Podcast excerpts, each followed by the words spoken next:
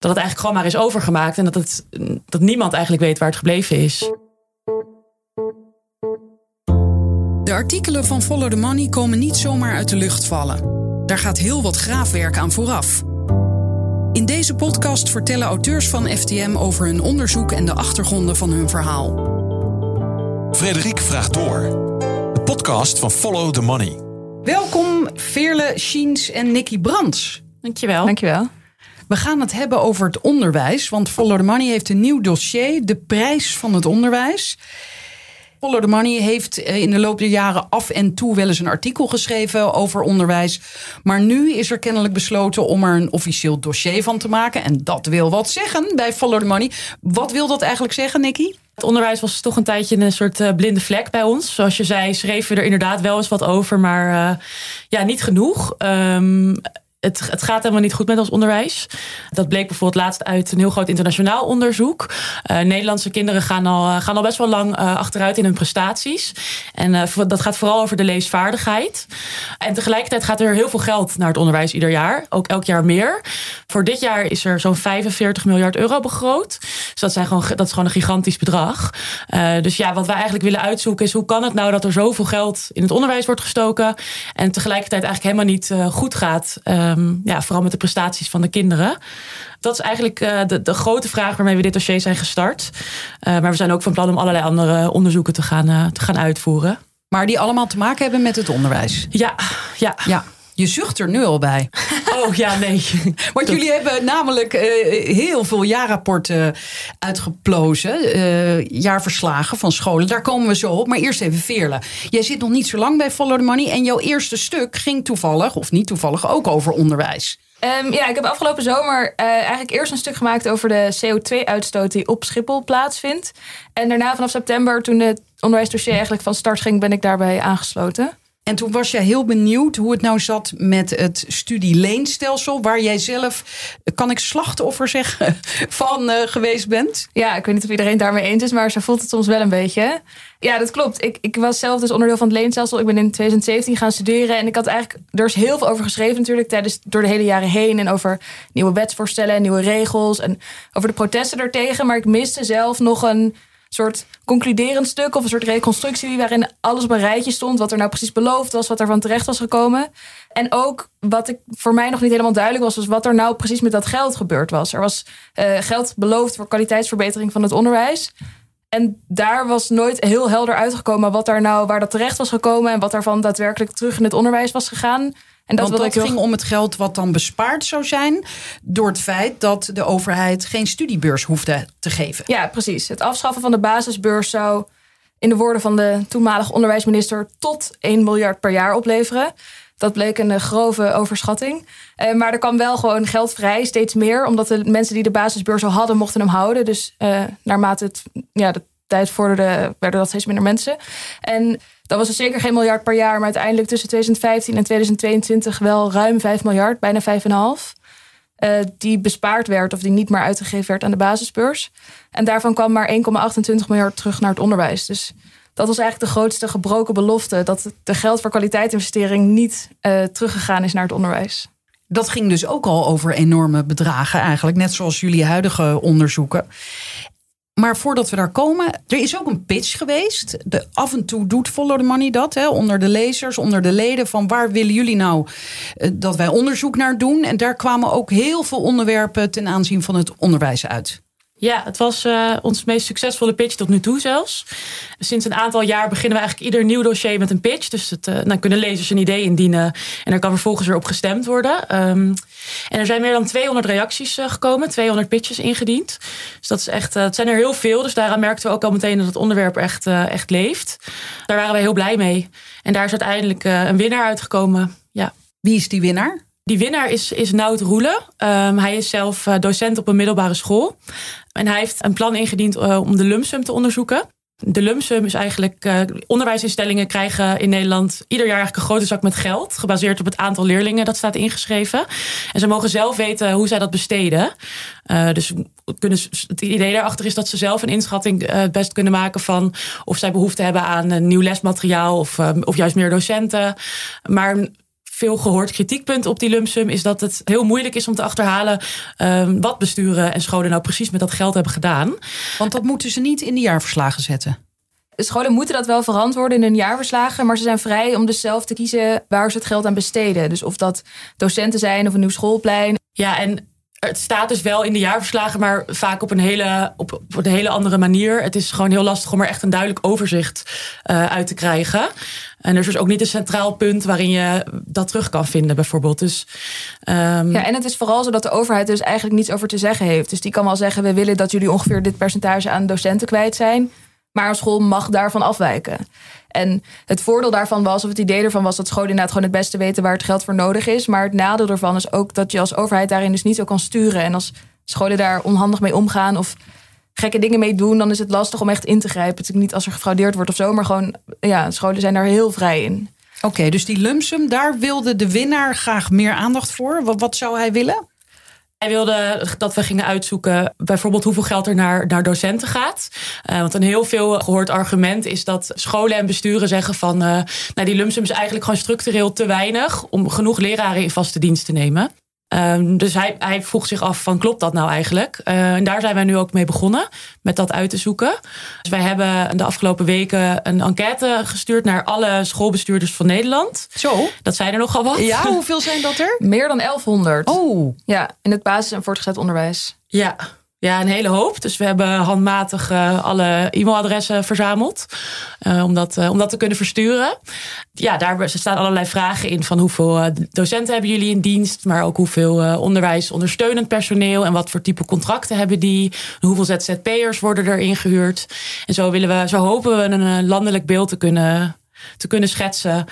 nou ja, van hoeveel leraren er nou eigenlijk echt werken in het onderwijs. En of, dat of die stelling dus klopt, dat die lumsum te weinig is. En of de stelling klopt dat er te weinig leraren zijn. Nou, dat is sowieso wel volgens mij echt een bekend probleem wel. Dat het lerarentekort echt gigantisch is. Mm -hmm. Uit de cijfers van vorig jaar bleek dat in ieder geval het basisonderwijs... dat gewoon 1 op de 10 vacatures onvervuld blijft. En er zijn volgens mij bijna 10.000 docenten nodig. Dus dat is een feit. Ja, dat is wel echt een mm -hmm. feit. Dat er, ja, er is een gigantisch lerarentekort. En, er is een, en scholen hebben moeite om leraren vast te houden. Het heeft met heel veel dingen te maken. Ook bijvoorbeeld in Amsterdam gaat het vaak over dat jonge leraren vooral geen woonruimte kunnen vinden.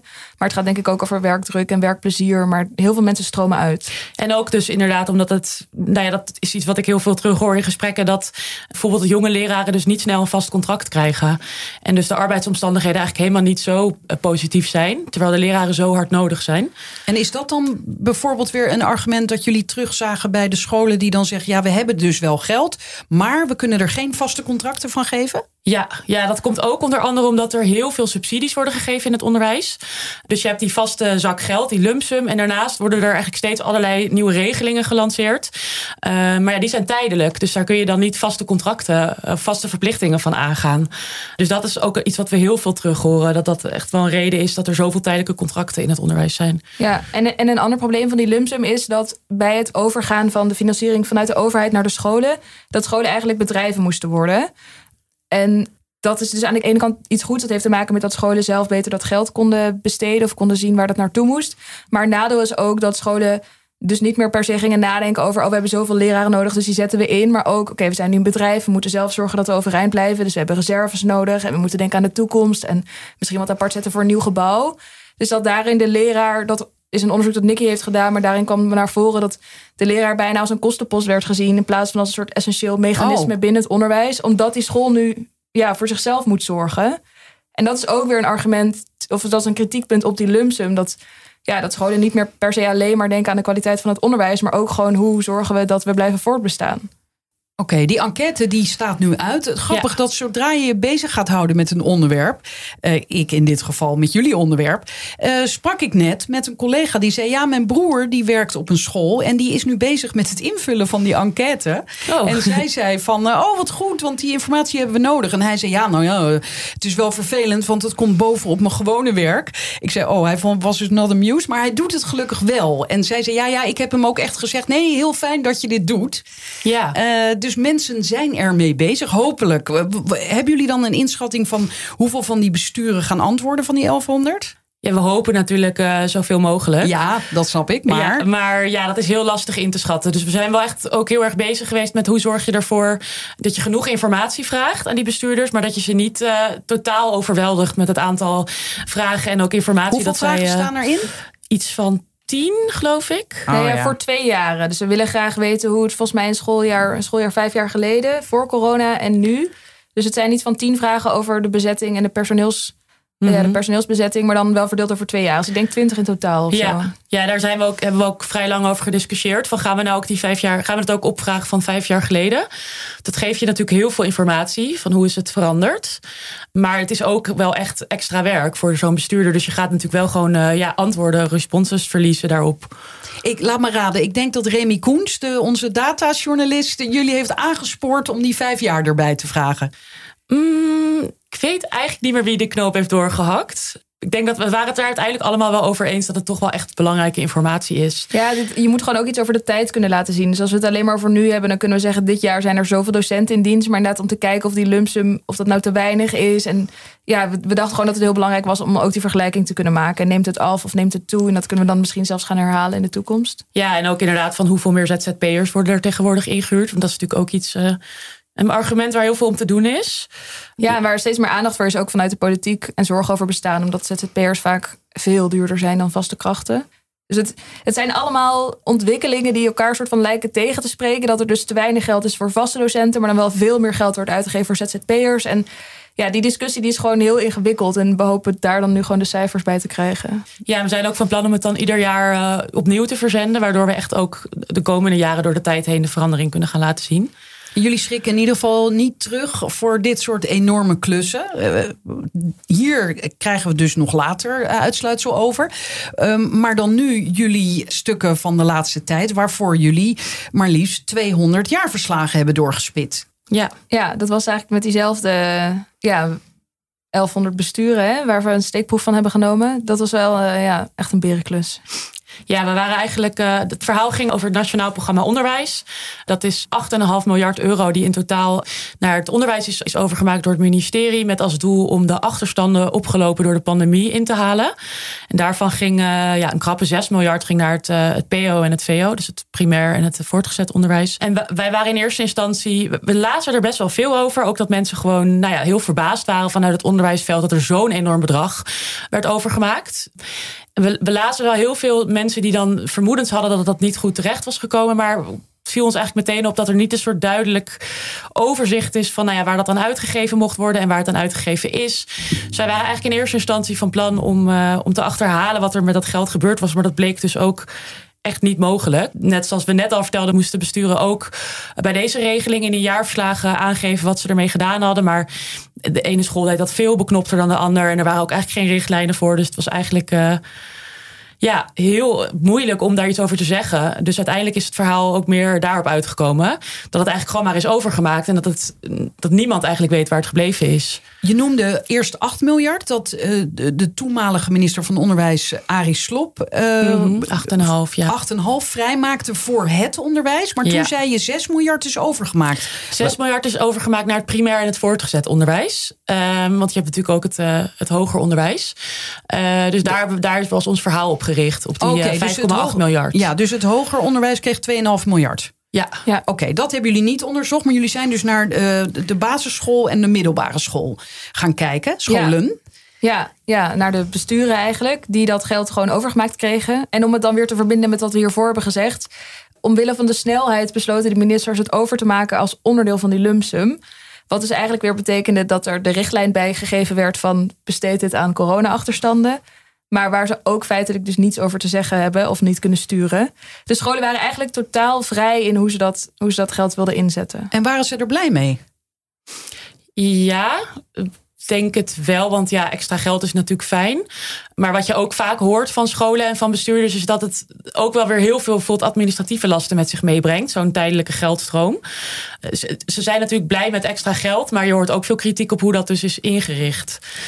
En het was ook zo dat de rekenkamer, voordat dat eh, bedrag werd overgemaakt, uh, zei de rekenkamer: Nou, uh, natuurlijk Mhm. klinkt leuk, maar er mag wel iets meer duiding bij. Of iets meer uh, richting waar het heen moet, dat geld. Ja, het was eigenlijk vanaf het begin al omstreden. Want toen het bekend werd gemaakt in februari 2021, dus eigenlijk relatief vroeg in de pandemie. Toen bleek al uit opgevraagde documenten met de wet openbaar bestuur dat er ook binnen de ministeries best wel zorgen bestonden.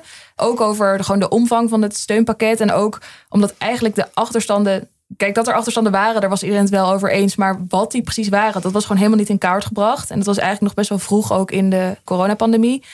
Um, dus er, waren, ja, er bleek dat al van tevoren op het ministerie gewoon heel veel zorgen bestonden over gewoon, oké, okay, we gaan dus miljarden overmaken, maar we weten eigenlijk niet eens wat het probleem precies is.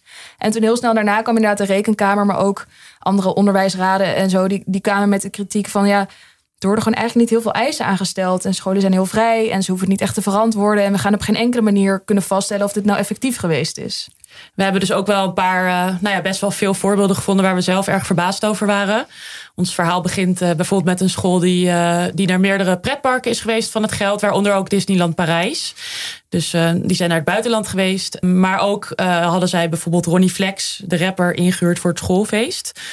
Um, nou ja, nu, nu, en die kost 20.000 per uur, hè? Ja, klopt. Schrijven jullie. Ja, ja, dat hebben wij van, een, uh, van de website van de boeker. Dus dat, uh, we, hebben, we hebben het wel nagevraagd bij zijn management, maar daar kregen we geen reactie op. Maar dat is online inderdaad terug te vinden, dat bedrag. Maar je zou dus kunnen zeggen, uh, ja, maar dit mag. Want, want er waren, geen, eh, waren helemaal geen richtlijnen. Ja, het mag, het mag dus ook. Um, er, was, er was al een soort van richtlijn de overheid had op gebaseerd op een Brits onderzoek een soort menukaart samengesteld, zo noemen ze dat. De menukaart had zes opties en dat was bijvoorbeeld meer onderwijs, maar ook sociaal-emotionele ontwikkeling van leerlingen. Dus de overheid had een soort van ja, menukaart met zes richtlijnen waaraan scholen geld konden besteden. En dat was dan dus wetenschappelijk onderbouwd en er stonden wat ja, argumenten bij waarom het goed was om dat geld in te zetten. Maar eigenlijk was dat super breed. Bijvoorbeeld bij die sociaal-emotionele ontwikkeling van leerlingen, dan stond dan uh, cultuuronderwijs of zo. En we hebben ook schoolbestuurders gesproken die zeiden van het was gewoon heel belangrijk om leerlingen hebben gewoon een jaar thuis gezeten of meerdere jaren. Die liepen ook sociale achterstanden op. Daar moesten we wat aan doen. Dus uh, voor een werkweek of een schoolfeest valt best wel wat te zeggen. Maar omdat het in die menukaart ontbrak aan concrete voorbeelden of financiële richtlijnen, weet je, er stond niet bij. De Efteling is oké, maar Disneyland Parijs niet. En daar ontstond dus gewoon een heel groot schemergebied, waarin je dus zou kunnen zeggen als school, nou wij vinden Disneyland Parijs onder cultuuronderwijs vallen. Maar ja. En daarbij komt dus dat, ook al zou het er niet binnenvallen, het ministerie helemaal geen mogelijkheden had om dat geld terug te vorderen. Omdat het dus onder de lumsum is overgemaakt en daarmee dezelfde regels gelden. Um, ja, dus er is eigenlijk ook, ja, dat heeft de rekenkamer ook nog later geconstateerd. Uh, er is de hele tijd gecommuniceerd dat er regels waren met die menukaart, maar die, dat, dat was eigenlijk juridisch helemaal niet houdbaar. En was dit nou één voorbeeld dat er uitsprong uh, en dus een uitzondering? Um, nou, bijvoorbeeld die pretparken hebben wij echt, hebben we heel veel teruggevonden in jaarverslagen en op websites. Um, Ronnie Flex uh, zijn we wel maar één keer tegengekomen. Maar um, het, het is nee, niet een uitzondering als in dat het echt uh, weinig voorkwam. Er is wel heel veel aan recreatie uitgegeven. En waar ging het nog meer naartoe? Nou, het grootste probleem was eigenlijk dat er natuurlijk heel veel leraren nodig zijn om achterstanden in te halen en uh, leerlingen ja, meer kennis bij te brengen. Maar die waren er niet. Die waren er voor corona al niet en tijdens corona nog minder. Uh, dus wat je ook kreeg en waar we schoolbestuurders over hebben gesproken, is dat er eigenlijk een soort van strijd ontstond om de leraar. En dat het ook een beetje was dat ja, scholen moesten bijna tegen elkaar opbieden eigenlijk om de leerkrachten die er wel waren. En omdat dat gewoon ja, absoluut niet genoeg was, uh, is er ook heel veel geld naar uh, het schaduwonderwijs gegaan. Dus dat is eigenlijk elke vorm van onderwijs. Commercieel onder, ja, hoe zeg je dat? Ja, commercieel onderwijs eigenlijk, ja. Bijlesbureaus en dat soort, de, dat soort praktijken. En scholen voelden zich gewoon genoodzaakt om dat soort bureautjes in te huren, omdat ze zelf de mogelijkheid niet hadden om leerlingen bijvoorbeeld naschoolsonderwijs te bieden. Of bijvoorbeeld heel veel examenleerlingen, die hebben gewoon uh, examentrainingen gekregen en dat soort dingen. Daar kwamen we ook echt gigantische bedragen tegen. Dus dat bijvoorbeeld uh, een derde van het hele NPO-budget naar Liceo uh, is gegaan. Uh, dus Liceo van zo, is zo'n ja, dat is eigenlijk eigenlijk de koploper van de bijlesinstituten. Uh, de grootste van Nederland. Um, nou ja, we kwamen echt gigantische bedragen tegen die, uh, die door bestuurders dus zijn overgemaakt naar Liceo. Maar goed, die scholen hadden dus ook geen andere opties. Omdat uh, ja, als er geen leraren zijn, wat ga je dan doen? Ja. En inderdaad, is er iemand die dit erg vindt? Er zijn in de Kamer wel echt heel veel vragen over gesteld. Over gewoon uh, Kamerleden die zich zorgen maakten dat het geld inderdaad niet in de klas per se terecht zou komen, maar bij, bij commerciële onderwijsaanbieders. We hebben ook wel scholen gesproken die hun twijfels erbij stellen. Want uh, de kwaliteit tussen die bijlesaanbieders die verschilt ook nog wel. Van gewoon meer gekwalificeerde en ervaren mensen tot ook gewoon vaak studenten die het als bijbaan hebben. Uh, dus ja, we hebben ook mensen gesproken die zeiden: ik, weet, ja, ik vraag me af hoe effectief het is geweest. En het, het zal zeker ook wel goede effecten hebben gehad hoor. Ook studenten kunnen natuurlijk heel veel bijbrengen. Maar er zijn zeker wel heel veel zorgen over dat gewoon heel veel van dat overheidsgeld eigenlijk in commerciële handen terecht is gekomen. En dat was niet uh, vooraf de bedoeling. Nee, en een ander voorbeeld van bijvoorbeeld een negatieve bijwerking is inderdaad wat Veerle ook al aanstipte. Um, staat uiteindelijk niet in ons verhaal, maar dat hoorden wij wel van een uh, directrice. Die werkte in een achterstandswijk, een van de grootste achterstandswijken van Nederland. En die zei dus inderdaad, het is door NPO nog moeilijker geworden voor ons om leraren aan te trekken. Omdat elke school heeft nu meer geld om, uh, om aan docenten uit te geven. Dus eigenlijk wordt de kansenongelijkheid groter door zo'n subsidie. Terwijl, terwijl het terugdringen van kansenongelijkheid ook weer een van de doelen van NPO was. Dus daarmee zit het zichzelf weer in de weg. Ja, ik, ik word steeds afgeleid door NPO. Hè? De, ah, omdat ja. bij de NPO is ook van alles aan de hand. Nee, maar dat is dus, laten we het het coronageld noemen. Het coronageld. Ja, dat is de meest onhandige afkorting die ze hebben gekozen. Ja, ja, ja, het coronageld, ja. Het coronageld, dus er ontstonden ongelijkheden. Omdat er zo gevochten werd eigenlijk om... Er was een enorme concurrentie op de lerarenmarkt. Ja. ja, en die neemt dan met meer geld alleen maar toe. En uh, ja, ook de scholen in betere wijken hebben meer geld om leraren aan te trekken. En dat is voor hen gewoon makkelijker.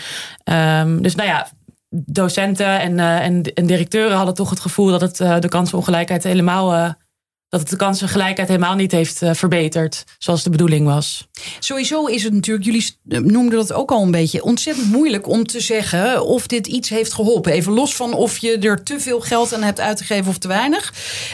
Um, ik las een interview met een conrector dit weekend van een middelbare school. En zij zei: uh, Ja, onze eerste klas was vorig jaar erg druk. We hebben er strenger moeten zijn dan normaal. Want ja, dat waren de kinderen die tijdens corona in groep 6 en 7 zaten. En die hebben echt iets gemist in hun sociale ontwikkeling. Dus die hebben we een beetje moeten bijsturen. En toen zei ze ook cognitief, maar dat komt altijd wel goed. Uh, maar dat viel wel op. En dit is natuurlijk maar één voorbeeld. Maar toen dacht ik meteen, ja, kan je hier dan uit concluderen van, oh, uh, op die lagere scholen waar die kinderen vandaan kwamen, is het heeft het onvoldoende geholpen, dat extra geld. Ik weet dat dit maar één voorbeeld is hoor, maar het is dus heel moeilijk vast te grijpen. Ja, er is eigenlijk valt hier gewoon niets over te zeggen. Wat de overheid op zich ook wel zelf, of de minister zelf ook al heeft erkend, is. We weten natuurlijk niet hoe het was gelopen als dat geld er niet naartoe was gegaan. Er is ook niet een controlegroep geweest of zo. Dus ja, of het op die scholen het lijkt niet effectief genoeg geweest. Maar als er geen geld tegenaan was gegooid, was het misschien nog wel veel erger. Dus ja, ja dat is totaal onduidelijk. En ook omdat elke school er natuurlijk andere dingen mee heeft gedaan. En ik kan me ook voorstellen dat het voor elke leerling zo anders is. En ja, een leerling in groep 6 die maandenlang digitaal onderwijs heeft gehad, is echt wel iets anders dan iemand van 18 waarschijnlijk. Ja. Maar ja, het, het zijn gewoon gigantische problemen. En dat maakt het ook echt wel begrijpelijk dat ze de noodzaak voelden om er geld tegenaan te gooien en er iets mee te doen. Maar ja, dat is wel allemaal heel snel en relatief ondoordacht uh, gebeurd. Maar gelukkig is er Follow the Money uh, met de lange adem. Dus even terug naar die 200 jaar verslagen. Hoe hebben jullie die onderzocht? Hoe doe je zoiets? Ja, wat, we zijn er eigenlijk, uh, toen we besloten hier een verhaal over te maken, zijn we gewoon gaan kijken van wat staat er in de jaarverslagen over uh, deze coronagelden. En toen viel ons eigenlijk direct op dat er een heel groot bedrag eigenlijk nog op de bank stond. Er stond ook eigenlijk bijna altijd bij van, ja, er zijn gewoon geen docenten om het aan uit te geven. Dus we hebben gewoon moeite om het hele bedrag uh, zinnig te besteden. Zowel bij de lagere als de middelbare scholen? Ja, ja. Dus toen dachten we van, nou, het is toch wel interessant om op een rijtje te zetten hoeveel geld dat dan is. Uh, maar goed, er zijn dus meer dan 1100 besturen in Nederland. Dus toen hebben we uiteindelijk besloten om een steekproef te, te nemen. Dus toen hebben we 100 van de besturen in het, uh, in het basisonderwijs en 100 in het uh, middelbaar onderwijs gekozen. En daar hebben we in, ja, handmatig al die jaarverslagen uh, doorgeplozen. Want die staan online ergens? Ja, die moeten zij online publiceren. Dat gebeurt niet altijd, nee. maar dat, dat moet wel, ja. En die zijn dan gewoon openbaar toegankelijk. En toen kregen jullie die allemaal op een rij. En toen hebben jullie dat over de schutting gegooid bij Remy? Of uh, hoe, hoe, werkt zoiets? Nou, bij het ministerie. Nee, wacht even. De- het onderzoek zelf bedoel ik. Hoe jullie die eh, jaarverslagen hebben bestudeerd en de data hebben genoteerd. Nee, daar hebben we eigenlijk zelf gewoon een hele grote Excel van gemaakt. Waarin we dus hebben geschreven hoeveel geld de scholen in totaal hadden ontvangen. Of de schoolbesturen. En hoeveel ze daarvan nog niet hebben uitgegeven in 2021 en 2022. En Remy heeft ondertussen zeker meegekeken. Ja, ook gekeken of we een eh, goede steekproef hadden genomen en zo. Ja. We waren daarmee bezig en toen eh, verscheen er een, eh, een Kamerbrief. waarin het bedrag werd genoemd dat eind 2022 nog op de bank zou staan. Oh, Dus toen dachten wij in eerste instantie van, oh nee, nu hebben wij voor niks eh, al, dit, al deze jaarverslagen doorgeplozen. En is eigenlijk al het werk voor niks. ja, we waren al maanden bezig. Ja, maar ja, wel tussen ander werk door, want het is natuurlijk best wel geestdodend. Ja.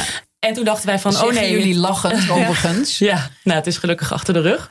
Maar toen zagen we ineens van dat het bedrag is veel te laag. Dat kan helemaal niet kloppen op basis van wat, wat wij nu al bij elkaar hebben Met welk verzameld. bedrag kwamen zij? Bijna 900 miljoen. Voor, Zou er nog op de banken staan? Ja, Ja. van alle besturen in het basis- en voortgezet onderwijs. Alles bij elkaar. Maar wij kwamen gewoon al veel hoger uit als je alle besturen zou doorrekenen. Dus toen hebben wij dat eh, bij het ministerie nagevraagd. En toen kregen we als reactie: eh, ja, dat klopt, want onze data is eigenlijk incompleet. Want het is niet verplicht voor scholen om specifiek dat corona, die coronaspaarpot door te geven. En ze hebben dat niet allemaal gedaan, ondanks dat we zo hebben aangedrongen. Ik denk dat het nog nooit zo snel is toegegeven iets bij een ministerie als eh Follow the Money aanklopt. Daar verbaasde ons ook. verbaasd over, We, zeiden echt, we keken ook naar elkaar van: hè, is dit nou echt de reactie? Ehm, Maar ze kon er niet echt omheen, denk ik, omdat wij handmatig al de jaarverslagen hebben gedaan. En dat bleek dat zij dat niet hadden gedaan. Of in ieder geval, dat vroegen wij ons ook van tevoren af. Van zou daar een arme ambtenaar al de jaarverslagen hebben doorgespit.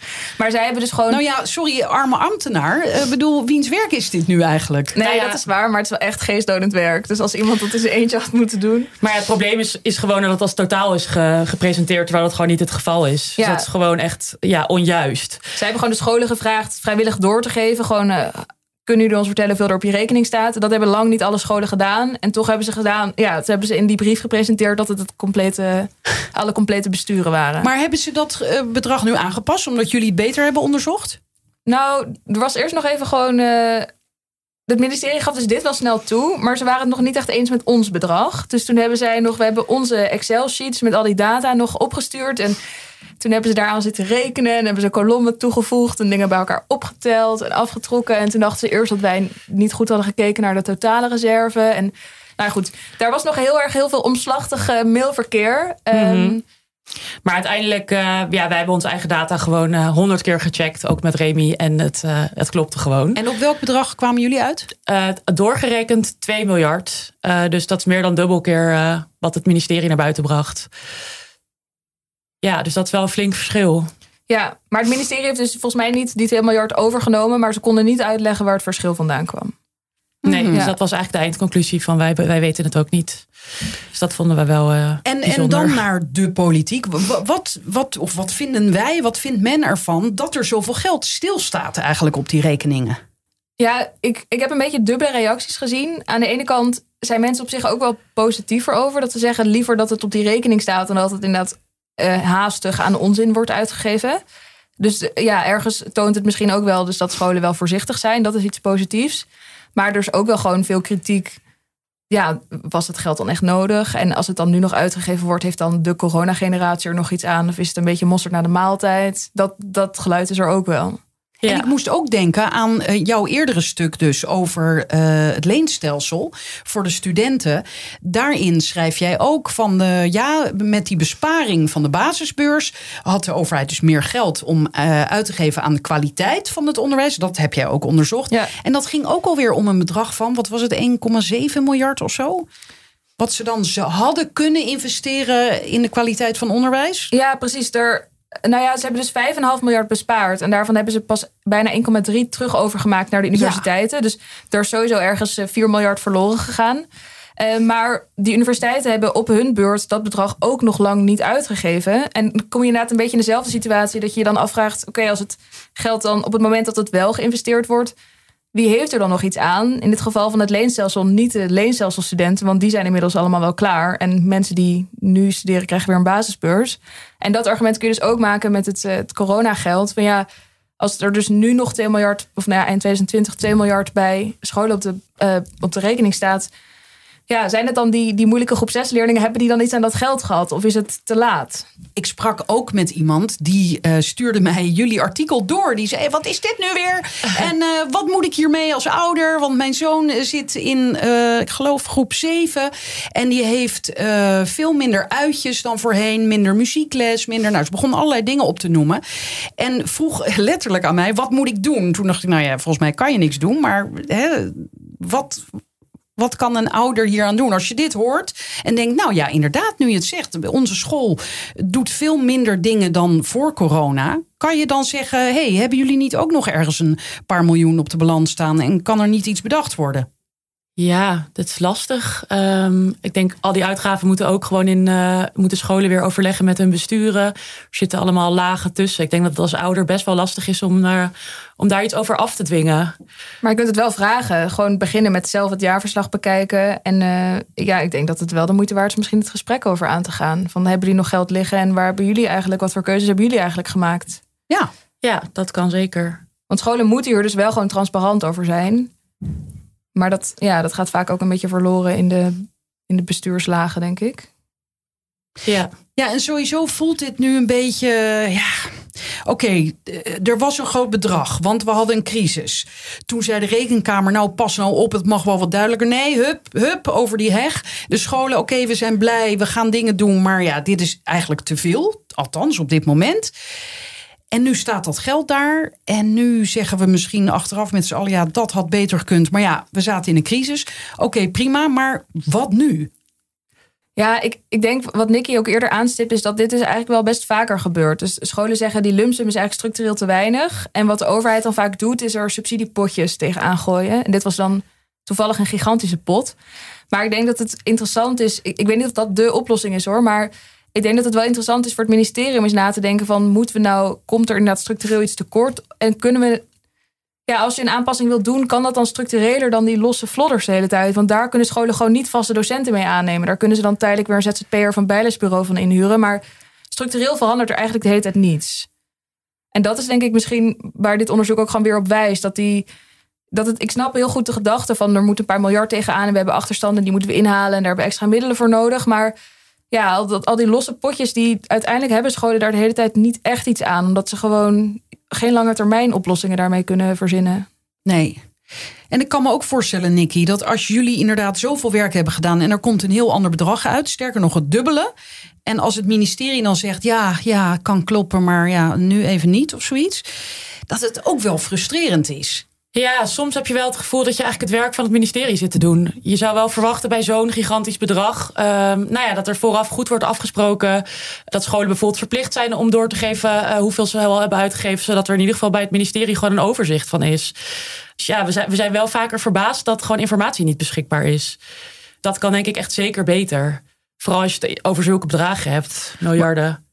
En dit betekent tegelijkertijd dat jullie werk nog lang niet klaar is. Want op dit moment loopt dus die enquête, hè, die, die staat uit. En zijn jullie ook alweer met andere onderzoeken bezig in het onderwijsdossier? Ja, we willen ons. Uh, nou, we hebben ons tot nu toe dus ook heel veel gericht op uh, hoe die geldstromen zijn ingericht. En hoe dat vanuit het ministerie uh, allemaal wordt gedaan en besloten. Maar we willen hierna ook meer onderzoeken gaan doen naar die commerciële partijen. Die dus eigenlijk een steeds grotere rol spelen in het onderwijs. Dus dan heb je het over, uh, over bijlesbureaus en uh, huiswerkbegeleiding. Maar ook bijvoorbeeld over uh, leerlingvolgsystemen. Zo is een aantal jaar geleden Magister, dat is het belangrijkste leerlingvolgsysteem, overgenomen door Sanoma. Um, nou ja, wat ook wel een soort indicatie is van dat er dus gewoon geld mee te verdienen valt. Ja, want dit is zo'n register waar je als ouder kunt kijken wat de resultaten van je kind zijn. Hè? Ja, ja, precies. Dus daar komt eigenlijk alles in over, je, over de voortgang van je kind. Zoals bijvoorbeeld cijfers Um, ja, dus dat, dat is, daar zit ook een uh, groot commercieel bedrijf achter. Heeft, dat ken ik nog van de, de tijdschriften en de bladen. Ja, daar zijn ze ook al een Ja, dat is het ook. En of, zij zijn weer onderdeel van DPG. Dus het is echt een gigantisch commerciële hoek. Ja? Ja. Ja, dus dat vinden we wel interessant. Dat er blijkbaar dus wel, uh, nou ja, dat het blijkbaar heel lucratief is. Dus dat zijn we nu ook nog van plan. En hoe gaat dat bij Follow the Money? Check je dan uh, ook een beetje wat andere media en journalisten al aan het doen zijn? Of varen jullie gewoon je eigen koers? Um, nou ja, omdat we natuurlijk ons wel op de financiën richten, zijn we vaak wel de enige uh, die bijvoorbeeld 200 jaar verslagen gaan doorpluizen.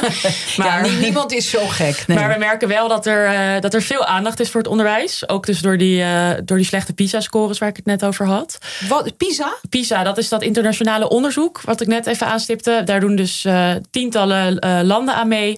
En die vergelijkt de vaardigheden van 15-jarigen. Ja. Um, en dat doen wij dus heel slecht. Eigenlijk al best een tijd. We merken wel dat er vooral daardoor veel aandacht is voor het onderwijs. Dus ja, we houden natuurlijk ook andere media aan ja, de gaten. En dan is het ook eigenlijk heel interessant om te kijken uh, naar landen waar de resultaten beter zijn. Of die het toevallig met veel minder geld af kunnen. Ja, ja. Ja, dat ja, ook wel op het lijstje om nog iets van vergelijkings, uh, vergelijkingsonderzoek te doen. Het is alleen natuurlijk heel ingewikkeld, omdat landen natuurlijk op allerlei factoren uh, variëren. Dus ook op hoe het onderwijs gefinancierd wordt, et cetera. Dus er zijn wel lastige vergelijkingen om te maken, maar daar willen we zeker naar, naar gaan kijken. Ja, maar meer in het kader van meer geld is niet altijd beter. Ja, ja, dat is eigenlijk wat er in Nederland gewoon, in ieder geval wat je de afgelopen jaren ziet. Dat er telkens meer geld naartoe gaat, maar dat de prestaties blijven kelderen. Dus moet ik ook weer denken aan de jeugdzorg. Daar, daar is dat ook aan de hand. Ja. ja. Ja, dus geld kan wel denk ik veel oplossen, maar het moet wel op de goede plek terechtkomen. Dat is nog wel een kunst. Ja. Hoe zijn de reacties? Jij, Veerle, twee weken geleden sprak ik je toe, zei je... nou, dit, dit, onze laatste artikelen over die 2 miljard bijvoorbeeld... die op de bank staat, uh, heeft nog nooit zoveel reacties op LinkedIn gekregen. Waar wij ook onze artikelen plaatsen. Ja, nou, nog nooit is denk ik... Uh, dit, dit oké, dit zijn mijn woorden. Nog nooit overdreven, maar... Uh, Nee, ik heb wel het idee dat er, ja, dat er gewoon in verhouding tot het aantal likes, zeg maar, dat er veel, dat er veel reacties zijn. En ik denk dat dat gewoon er ook mee te maken heeft dat er veel mensen in het onderwijs werken. En dat heel, ja, mensen met kinderen of met, met neefjes nichts of buurkinderen gewoon. Het gaat heel veel mensen aan. En ook, ik kan me ook voorstellen dat iets als de leesprestaties, dat mensen zich daar ook gewoon zorgen over maken. Want als onze 15-jarigen nu niet goed kunnen lezen, hoe, hoe moet dat dan later? Dus het is volgens mij wel een onderwerp dat gewoon heel veel mensen echt aangaat en waar ze gewoon graag iets over willen zeggen of op willen reageren. Ik beeld me nu in dat we over een aantal jaar een formatie hebben waarin uh, een van de deelnemers niet zegt ik kan niet rekenen, maar dat iemand dan zegt ja sorry ik kan niet lezen. Ja, kan het in Jip en Janneke taal ja. worden opgeschreven. Ja, ja, ja nee, het zijn wel ernstige resultaten. Dus uh, ik hoop dat het uh, dat, dat tij gaat keren. Want het uh, ziet er niet heel goed uit, nee. Dank jullie wel. Dank je wel. Dank je wel.